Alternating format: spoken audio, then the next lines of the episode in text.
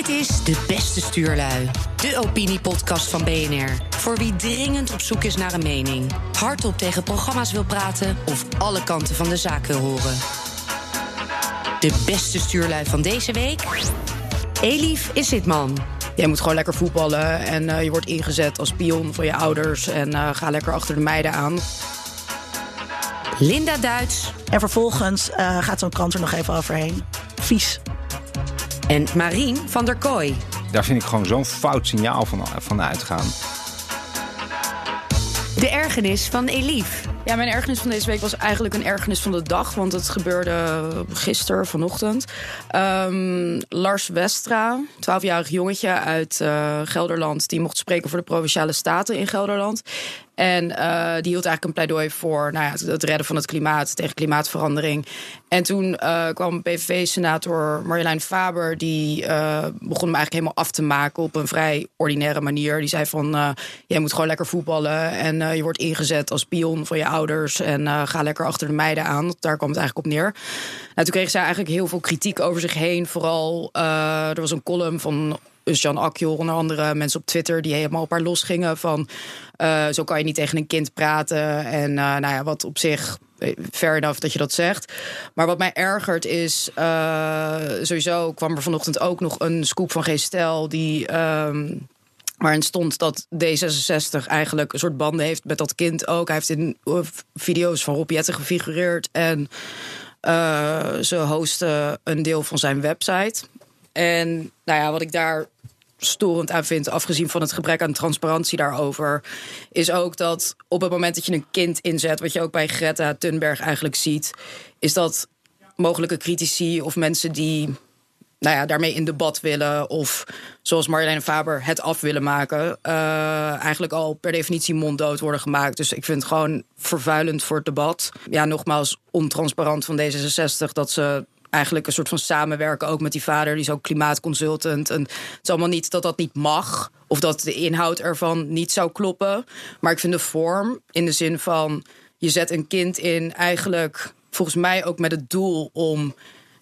Uh, voor mijn gevoel ook verblind door een soort eigen moralisme. Want het is dan heel vaak zo van: oh, wat prachtig dat die kinderen die idealen hebben. En wat mooi dat ze zich durven uit te spreken en zo dat mensen zelf eigenlijk ook niet eens doorhebben dat ze kinderen als politieke vehicles inzetten. Ja, het is echt al ophef du jour en zo. En ik keek, ik er even naar, naar Twitter. Ik had niet meegekregen. Ik was vandaag met andere dingen bezig. Dus ik was mijn timeline niet zo aan het volgen. En ja, dan gaan mensen allemaal heel los en zijn heel blij eigenlijk. En jij zei net ook banden met D66. Alsof het banden met Al-Qaeda zijn. Uh, kijk, en dan gaat het over elkaar mond maken. Weet je, ik bedoel, er is een jongen van 12. Die heeft een praatje gehouden voor de provinciale staten. Waar hebben we het over? En zijn vader doet ook iets bij D66. Dus een jongen uit een niet eens echt links gezin, die dan voor het milieu is. En uh, dan worden er mensen betaald. Of er heeft hij een keertje in een filmpje gezeten alsof dit echt, zeg maar, wereldtergend is. En iedereen kan er heel leuk in gaan. En iedereen kan in de loopgraven gaan over nu wordt deze kant monddood gemaakt, nu wordt die kant monddood gemaakt. En uiteindelijk hoeft het dan allemaal lekker niet over het klimaat te hebben. Dus het is lekker voor de ophefmachine. En iedereen was heel gelukkig, denk ik, daarover. Maar ja, het is het heeft toch niet echt waarde of zo. Nou ja, of mensen daar. Het is meer. Je, het, is een soort trend aan het worden dat er dus kinderen eigenlijk figureren als een soort spreekbuis. We hebben Greta en dit jochie. Ja, nou ja, je zal er ongetwijfeld nog meer hebben. Maar dat is geen trend. Het zijn er twee. Een aantal werd laatst nog in de Telegraaf werd uitgemeten. Allerlei, uh, allerlei meisjes van tussen de, de 16 en de 20 die dan zich tegen immigratie hadden uitgesproken. Dat is ook een beetje hetzelfde fenomeen. Ja, maar wat is de rol van die ouders? Daar ben ik wel benieuwd naar. Want uh, kijk, die ouders die zorgen ervoor dat dat jongetje daar natuurlijk staat. Want dat jongetje komt niet vanuit de school met zijn fietsje bij de provinciale staten uit. Nee, dat zou je, ja, dat zou je inderdaad denken. Nou, er werd wel, hij zei wel expliciet tijdens die bijeenkomst van mijn ouders die remmen me eerder af dan dat ze me stimuleren om dit te doen. Dat vind ik persoonlijk gewoon eigenlijk heel ongeloofwaardig. Voor als je vader een klimaatconsultancybureau runt. Maar ja, dat zal je nooit weten of dat klopt of niet. Maar ja, ik denk die ouders die, die, die hebben wel de macht om te zeggen van dit ga je wel doen of dit ga je niet doen, natuurlijk. Ja, nou ja, kijk, ik, ik, ik, ik vind het wel mooi als mensen voor het klimaat opkomen en voor een betere wereld. En uh, of je dan 12 bent of 34, maakt niets voor uit. Maar ik denk niet dat zo'n jongetje uit vrije wil zelf weet dat hij naar het provinciehuis moet gaan om daar te gaan spreken. Kijk, dat, hij weet natuurlijk ongetwijfeld waar de burgemeester woont of zo. En daar zal hij dan iets kunnen ophangen, maar naar het provinciehuis gaan om te weten dat je daar moet praten. Dat komt nooit van een jongetje van 12. Never, dat geloof ik niet. Maar zo werkt dus natuurlijk ook niet in een gezin. Nee, maar ja. zo'n drijvende kracht van die ouders, dat, ja, ja daar ben ik dan ook niet zo fan van. Ja, maar kijk, en je kan natuurlijk nooit achterhalen, dat is onmogelijk, of die denkbeelden van hemzelf zijn of die van zijn ouders. Ik bedoel, hij is, hij nee, is maar hij is natuurlijk gevoed. Dat is natuurlijk. En, dat, en daar is op zich ook niks mis mee. Maar om zo'n jongetje nou bij, bij een provinciehuis neer te zetten, dat, dat vind ik wel weer het andere uit. Het had natuurlijk net zo goed kunnen zijn, want zo gaat het met beïnvloeding van kinderen. Soms hoop je dat je kleine minimies krijgt en dat ze precies uh, vinden wat jij ook vindt. Maar het had ook heel goed gekund dat zijn ouders best wel recht, wa rechts waren geweest. Maar dat hij een oom had gehad bij D66 die dat aanwakkerde. En dat hij juist vanwege die ouders die heel erg tegen waren, dat hij zich daar afgezet had. En daardoor een, eh, een kleine klimaatfreak, klimaatfreak was geworden. Weet je? Dat, dat weet je allemaal niet. Dus um, het is maar het, het, doet er niet zoveel toe of hij aangezet is door zijn ouders. Als je er dan al een soort ethische vraag uit wil halen, dan gaat het volgens mij veel meer over: um, moet, moet, mogen kinderen hier een stem laten horen? Of is dat heel erg voor de bühne omdat kinderen schattig zijn? Dat is, dat is denk ik ja. het enige. Want beïnvloeding van kinderen, ik, ik uh, doe veel jongerenonderzoek, daar kom je gewoon niet achter. Nee, dat is nee, maar een dat is, ook, dat, dat, is ook precies ook het punt uh, wat ik wilde maken. Is het gaat mij meer om zijn positie of de positie die dan voor hem wordt geschapen in het debat. Van op het moment dat je hem daar neerzet en dan eigenlijk verwacht dat hij uh, kritiekloos daar mag staan. Want inderdaad, wat jij zegt, het is zo schattig, want het is een kind met idealen. Want ik denk, het... ik heb natuurlijk, je mag, je mag daar zeker met, met een kind mag je ook uh, een gesprek voeren of ook, en ook wel een debat voeren. Maar als je dat heel kleinerend gaat doen, van dan ga nog voetballen of zo, ja, dan disqualificeer je denk ik ook jezelf. Nee, maar vind je het kleinerend als, als iemand, als zij zegt, jij wordt ingezet, ik denk dat jij wordt ingezet door je ouders om hun politieke doeleinden te verwezenlijken. Vind je dat kleinerend? Ik vind dat best wel, namelijk best wel op een volwassen manier tegen een kind praten. Ja, dat, maar dat vind ik dus een onzinnig verwijt. Wat ik, wat ik net al zei. En daar kwam dat voetballen achteraan. Maar ze kan ook gewoon met hem gaan praten over het klimaat. En waarom niet daar dan met hem over de inhoud gaan praten? Kan ook. Kan, maar ja, kijk, ik, ik vind als zo'n jongen daar uh, staat... kijk, en de manier waarop heb ik niet meegekregen hoe zij tegen hem tekeer ging. Uh, althans, jij zei dat, hè, dat het best wel een beetje een ordinaire manier was. Nou, vooral de invulling ervan. Ja, wat ze dus zei van ga voetballen en zo. Dat is natuurlijk inderdaad niet zo... Uh, ja. ja. Ja. maar ik, ja, ik snap wel dat ze hem erop aanspreekt. En zeker... Uh, um, kijk, ja, ik vind die rol van die ouders wel namelijk heel fascinerend. Jij zegt van ja, het maakt niets voor uit... want je weet niet hoe die hoe, die, hoe zo iemand beïnvloed is. Maar dat vind ik bij Greta Thunberg ook, weet je wel. Dat is, daar spelen die ouders zo'n aparte rol. En we komen er niet achter, dat weet ik ook wel. Want, uh, maar goed, die moeder mag nu ook niet meer vliegen van uh, Greta, begreep ik. Uh, maar, maar die ouders, die, die spelen daar een rol. Ja, en als die vader dan bij, wat was het, Milieudefensie werkt... ja, dan kan ik dat, daar kan ik echt niet los van elkaar zien. Nee, natuurlijk kan je dat ook niet los van elkaar zien. Nee. Ja, dat is toch ook wel duidelijk. Ja. Ja, maar daar, wordt wel, daar werd wel enigszins sneaky over gedaan hoor. Want dat was niet, dat was niet out in the open van... oh, mijn vader die werkt daar en D66 die, die uh, sponsort mij een soort van. Dat, is, dat moesten mensen echt opduikelen.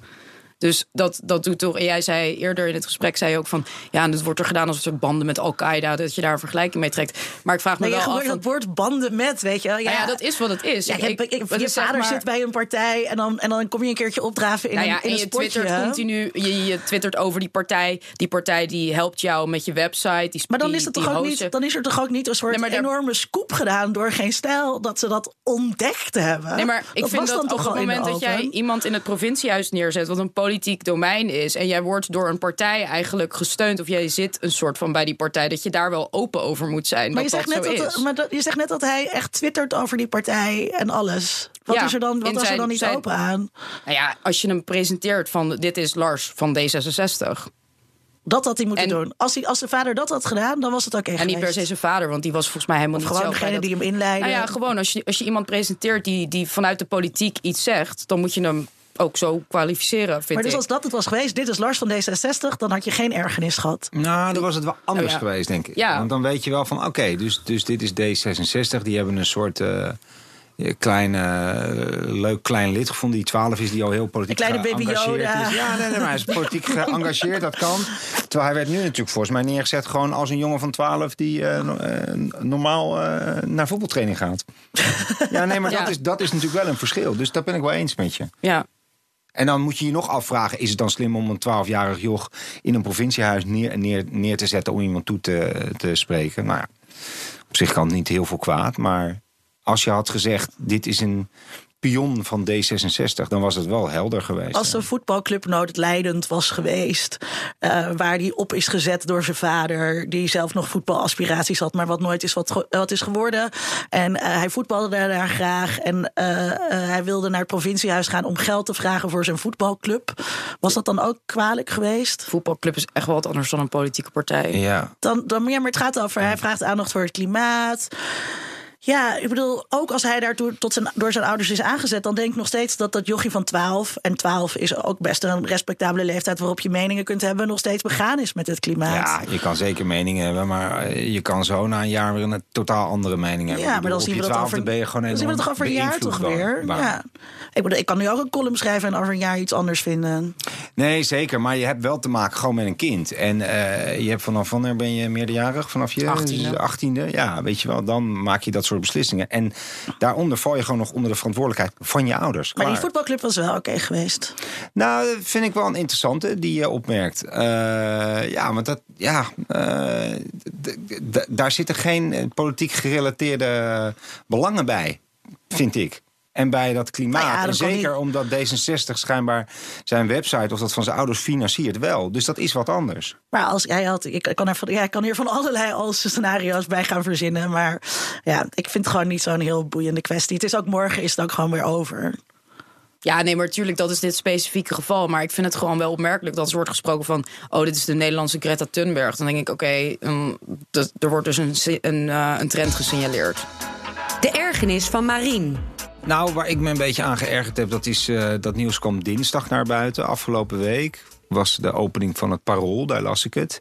Is dat uh, Amsterdam, althans de wethouder uh, Moorman van PvdA... die wil schulden gaan saneren bij jongeren. En die vindt eigenlijk dat uh, jongeren tot 27 jaar met een, met een enorme schuld. Uh, ze vindt eigenlijk dat de gemeente of dat instanties die schuld moeten overnemen. Dat klein maken om ervoor te zorgen dat ze later even in het kort uh, niet in grotere problemen komen. En daar vind ik gewoon zo'n fout signaal van, van uitgaan. Omdat ik vind dat als je jong bent, tot je 27e, dan ben je echt wel, dan zit je echt in de bloei van je, van je leven. Nou, op dit moment is er overal werk, er is werk te over. Uh, dus ja, ik vind het fout om dan te zeggen van, nou ja, als je, als je, als je schulden hebt, dan gaan, we, dan gaan we je daarbij helpen.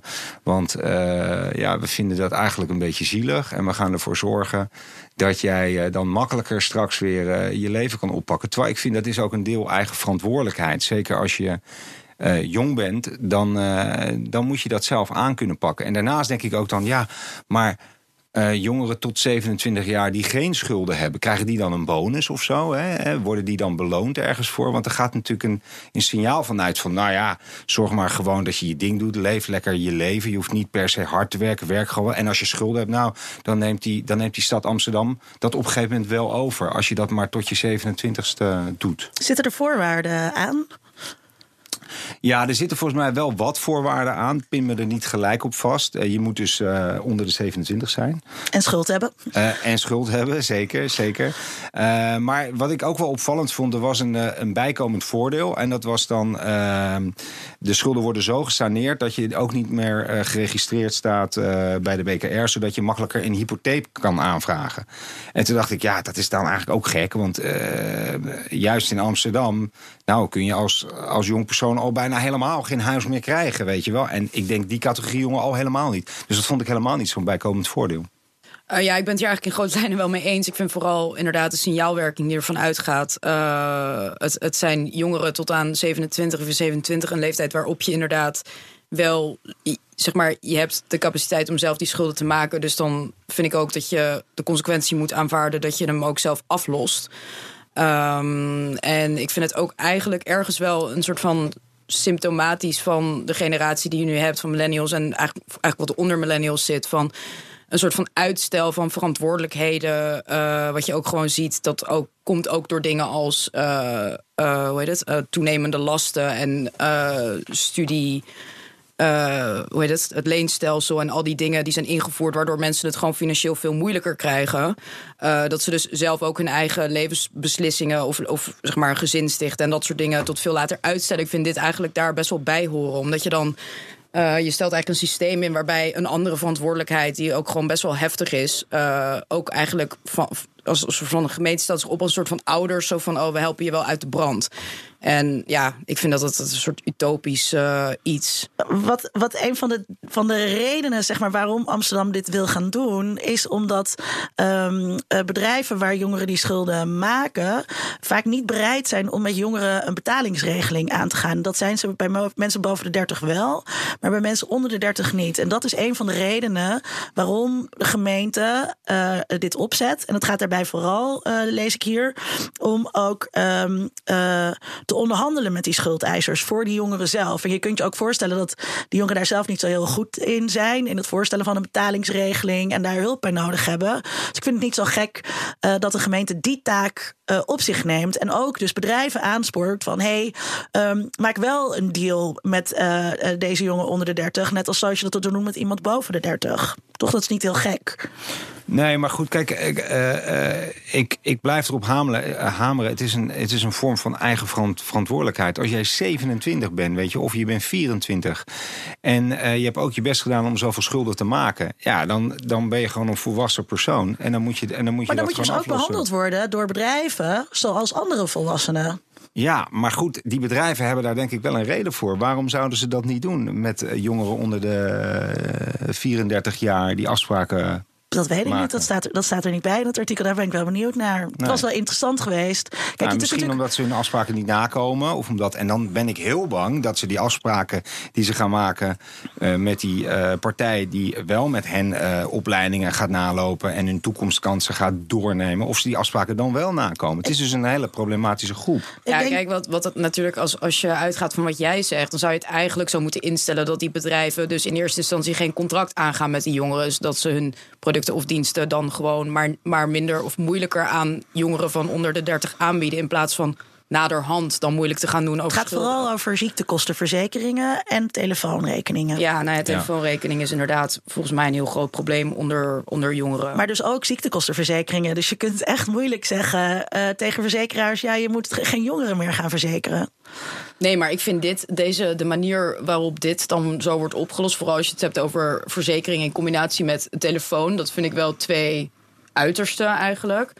Eh, dat er nog steeds wel echt een deel eigen verantwoordelijkheid wordt weggenomen. Of, of eigenlijk, want de gemeente gaat het dan voor jou oplossen. Wist je dat je een telefoon nodig hebt om te kunnen inloggen met je DigiD?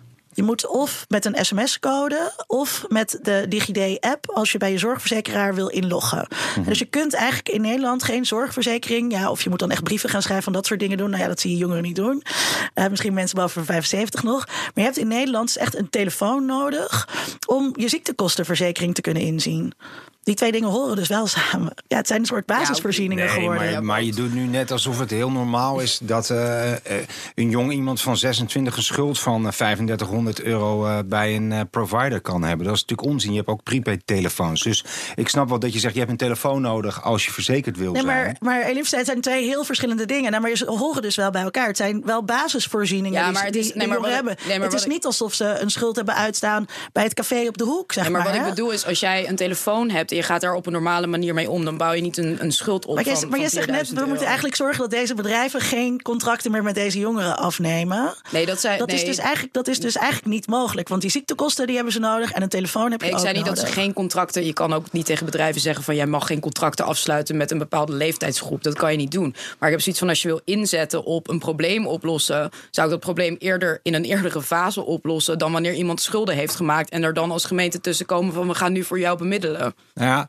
kijk, en waar ik, waar ik nog het meeste moeite mee heb... eh, want ik snap wel dat als jongeren echt helemaal in de shit zitten, dan, dan kan je wel denken van ja, zoek het zelf uit. En eh, weet je wel, maar, maar dan, dan worden de problemen voor de hele maatschappij eh, hier in Amsterdam alleen maar groter.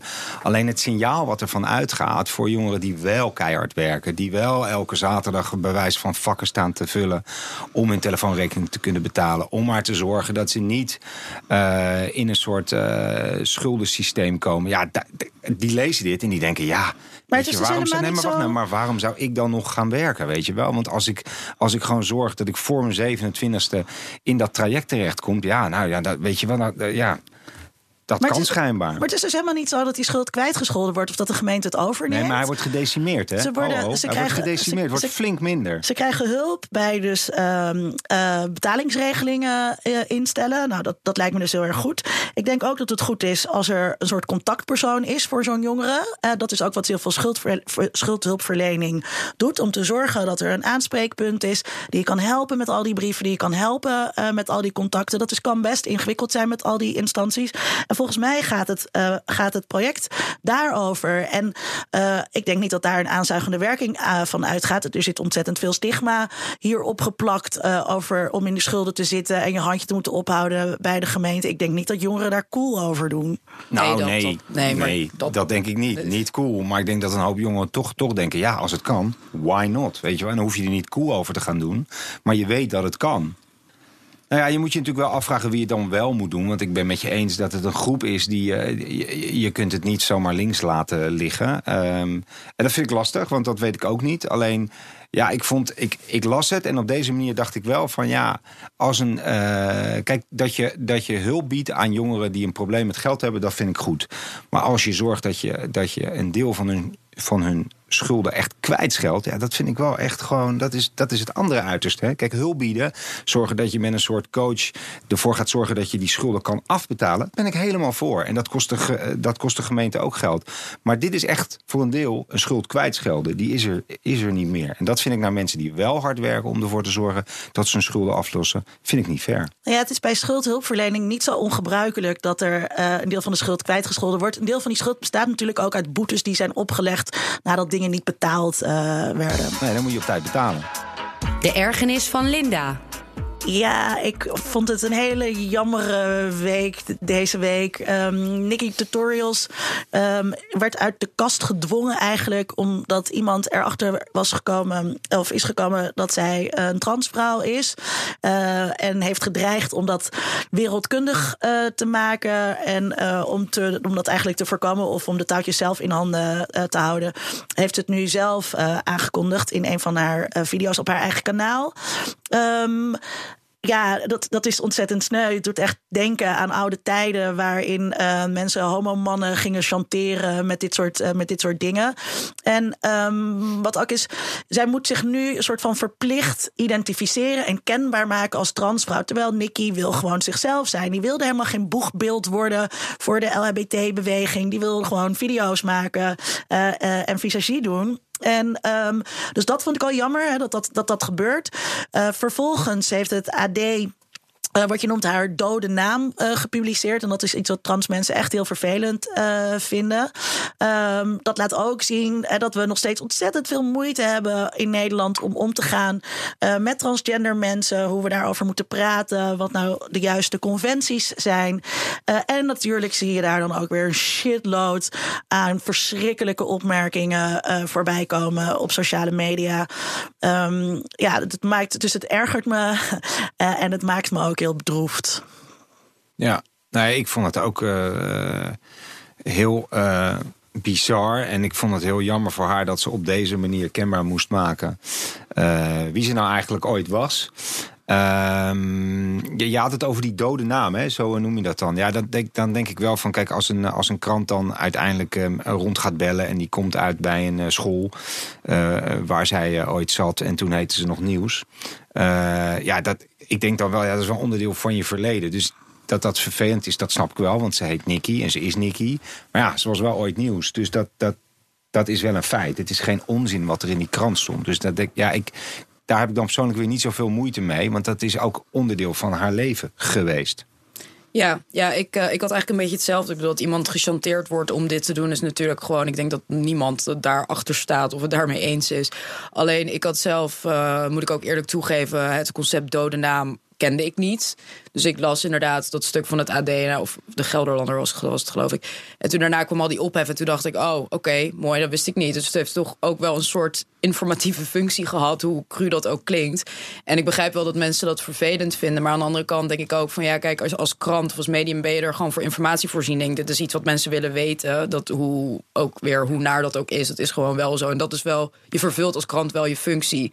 En om dan de kritiek te hebben van ja, dit mag niet, of dit, kijk, je kan zeggen het is En hier en hier en hierom is het kwetsend. Nou ja, dat zeg ik net, dat is informatief, ook voor mij en voor, ik denk voor heel veel mensen. Maar om het zeg maar door te trekken tot een soort, ehm, ja, informatiepolitie. Zo van, hier mogen we het allemaal niet over hebben, want dat vindt iemand vervelend. Dat vind ik wel ver gaan. Ja, ik vind het wel interessant dat je zegt dat er voor jou dus een soort educatieve functie in zit. En dan is het natuurlijk extra naar dat dat over de rug van, van Nicky Tutorials uh, uh, gaat. Maar dan zou er nog iets goeds uh, uit kunnen komen. Um, ik, ja, ik denk dat het voor heel veel mensen, echt voor de meerderheid van de mensen geldt. Want ik ben ook niet zeg maar een soort van iemand die helemaal niks weet van, van LHBTI of zo. Maar dit concept ken ik gewoon echt niet. Ja, dus, dus, dus, en, dus, dus kijk, het, het, is nu voor heel veel mensen zit er een leermoment in. Ook, waar gaat het ook weer precies over? Wat is nou het verschil tussen seksen en gender en dat soort dingen. Um, maar goed, daar heeft Nicky dus allemaal niet gevraagd. Maar even over die nieuwsgierigheid die mensen hebben, dat begrijp ik wel. Hè? Je wilt toch weten, of misschien hoe zag ze er dan vroeger uit? Ja. Inderdaad, uh, ja. wat is die naam? Uh, en nieuwsgierigheid van mensen begrijp ik wel. Um, maar betekent niet dat er per se um, uh, dat daar ook echt nieuwswaarde in zit. Of dat mensen het recht hebben uh, om dat te weten. Uh, mensen zijn wel nieuwsgierig naar veel meer dingen. maar dat hoef je ook niet allemaal te weten. En hier, wat ik hierbij belangrijk vind, is dat um, we. Het is een redelijk nieuw onderwerp. Hè, dat wat, wat, wat redelijk nieuw in de pers is. Um, en vanuit organisaties als het Transgender Netwerk Nederland worden er richtlijnen opgesteld van wat vinden wij nou, hoe je over mensen schrijft. We schrijven ook niet meer um, uh, ze zijn verbouwd, bijvoorbeeld. Hè? Dat vinden we ook uh, uh, respectloos ja, maar, taalgebruik. Ik vind, er gaan, er, gaan, er gaan er even richtlijnen komen hoe bepaalde journalisten over bepaalde dingen moeten schrijven. Daar ja. moeten we niet heen willen. Nee. Daar moeten we echt met z'n allen niet heen willen. Want dat slaat natuurlijk helemaal nergens op. Ik en, vind wel, als dingen niet kloppen, als het feitelijk onjuist is, of als je mensen. Maar zal jij zo'n term dan nog gebruiken? Verbouwen? Nee, dat denk ik niet. Waarom niet? Maar ombouwen was het toch? Ombouwen, ja, sorry. Ja. Ombouwen.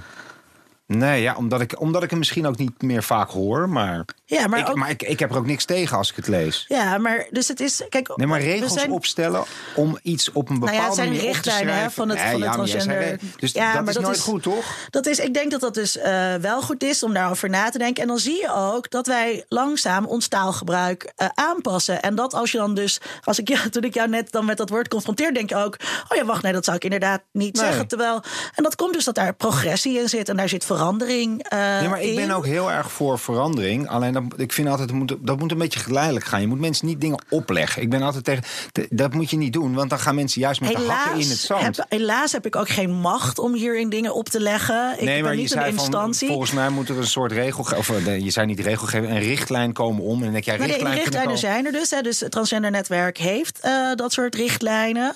Ehm, en het is. Eh, de, ophef, de ophef die denk er nu is ontstaan, en dat is wel wat jij ook zegt. Misschien is dit dan ook wel de laatste keer geweest dat een krant zoiets flikt. eh, en dat er hieruit duidelijk wordt: dit doen we gewoon niet meer.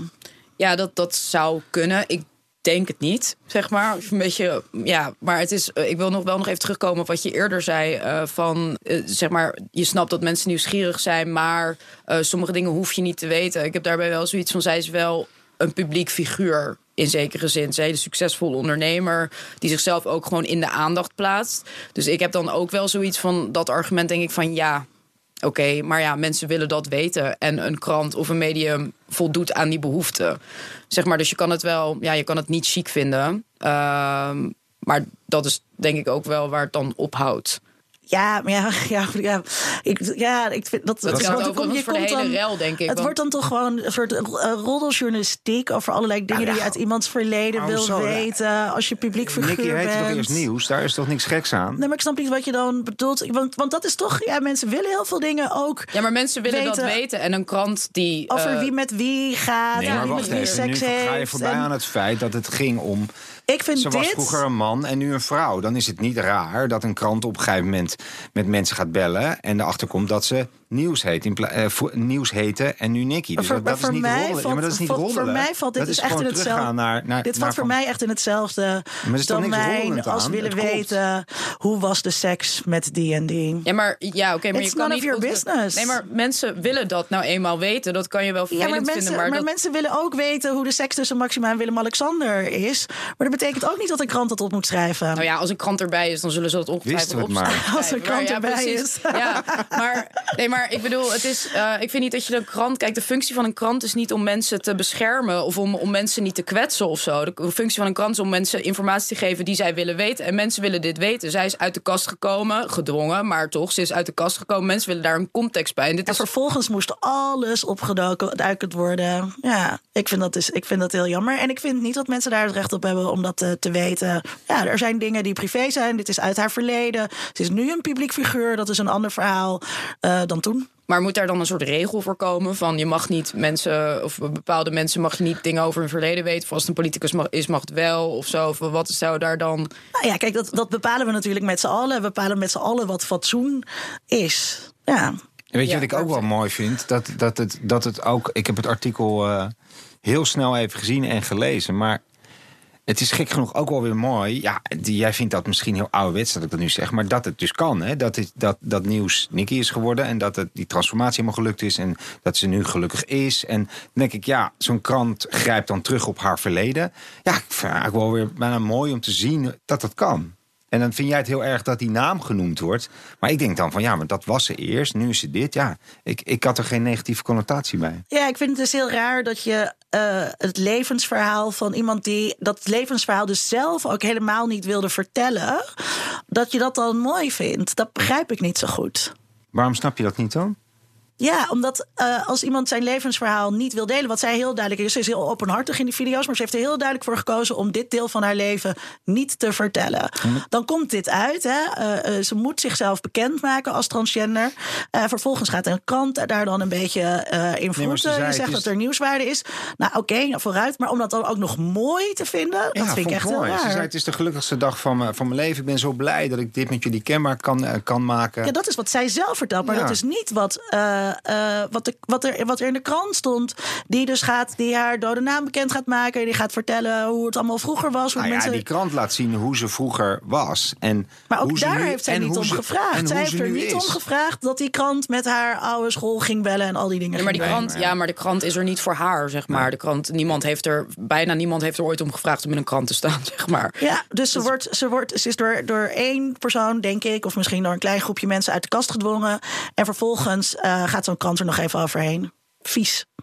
Nou ja, gewoon de functie van een krant. Informatie verschaffen over dingen die spelen. Mensen vinden het interessant. En nogmaals, het is denk ik nog steeds voor heel veel mensen... vooral mensen van de oudere generaties, echt heel informatief. Kijk, het zal misschien voor, voor haar en, en dus ook voor jou... kan het misschien best kwetsend zijn als ze dat terug heeft gelezen in de Gelderlander of in het AD. Maar ik kan me ook voorstellen, eh, die krant heeft vooral oudere lezers. Die lezers die zijn allemaal zo'n beetje zo rond de 50, 60, misschien 70 jaar. Ja, kan het ook juist een heel positief effect hebben van... oké, wauw, oké. dit was en die willen gewoon context hebben. Die willen weten, ja, maar die Nicky Tutorials, wie is dat nou? Dan gaat het AD gaat, gaat rondbellen, die gaat graven, die gaat kijken. En ja, die willen dan wel weten, maar hoe zat dat dan? Nou, het was eerst een jongen en het is nu een mooie vrouw geworden. Ja, dat kan er ook alleen maar aan, aan meewerken. Dat mensen denken van, ja, ja is Ja. eigenlijk een heel, als je, heel dan, mooi als, goed je dan, als je dan oudere mensen aan het eh, onderwijzen bent eh, over hoe dat nou allemaal in elkaar zit, dan kan je er meteen bij schrijven. Misschien bent u nieuwsgierig naar hoe Nicky vroeger heette. Maar transgender mensen vinden dat eh, respectloos. En die worden daar liever niet aan herinnerd. Dat noem je een dode naam. En daarom drukken wij die niet af. Twee vliegen in één kap, ben je klaar. nou ja, als jij kan. een krant zou hebben, dan zou je het waarschijnlijk zo doen. Maar zij maken de keuze om dat niet zo te doen. Ja, dan is het vervolgens aan mij om te zeggen dat het onfatsoenlijk Ja, is. dat mag. Ja, en. En, eh, en dat het kwetsend is. En ik ben daar ook niet de, niet de enige in. En nogmaals, ik denk, eh, eh, dit, dit is een nieuw onderwerp. Eh, eh, mensen gaan soms ook een beetje met de hak in het zand. Maar over een tijdje is dit net zo normaal. En kijken mensen erop terug dat je ook, je zegt ook niet meer ombouwen. Je gebruikt ook de dode niet meer. Dit was weer een aflevering van De Beste Stuurlui. Een opiniepodcast van BNR. Alle Alle afleveringen zijn terug te luisteren op bnr.nl/slash podcasts, iTunes en Spotify. En hou je roer recht.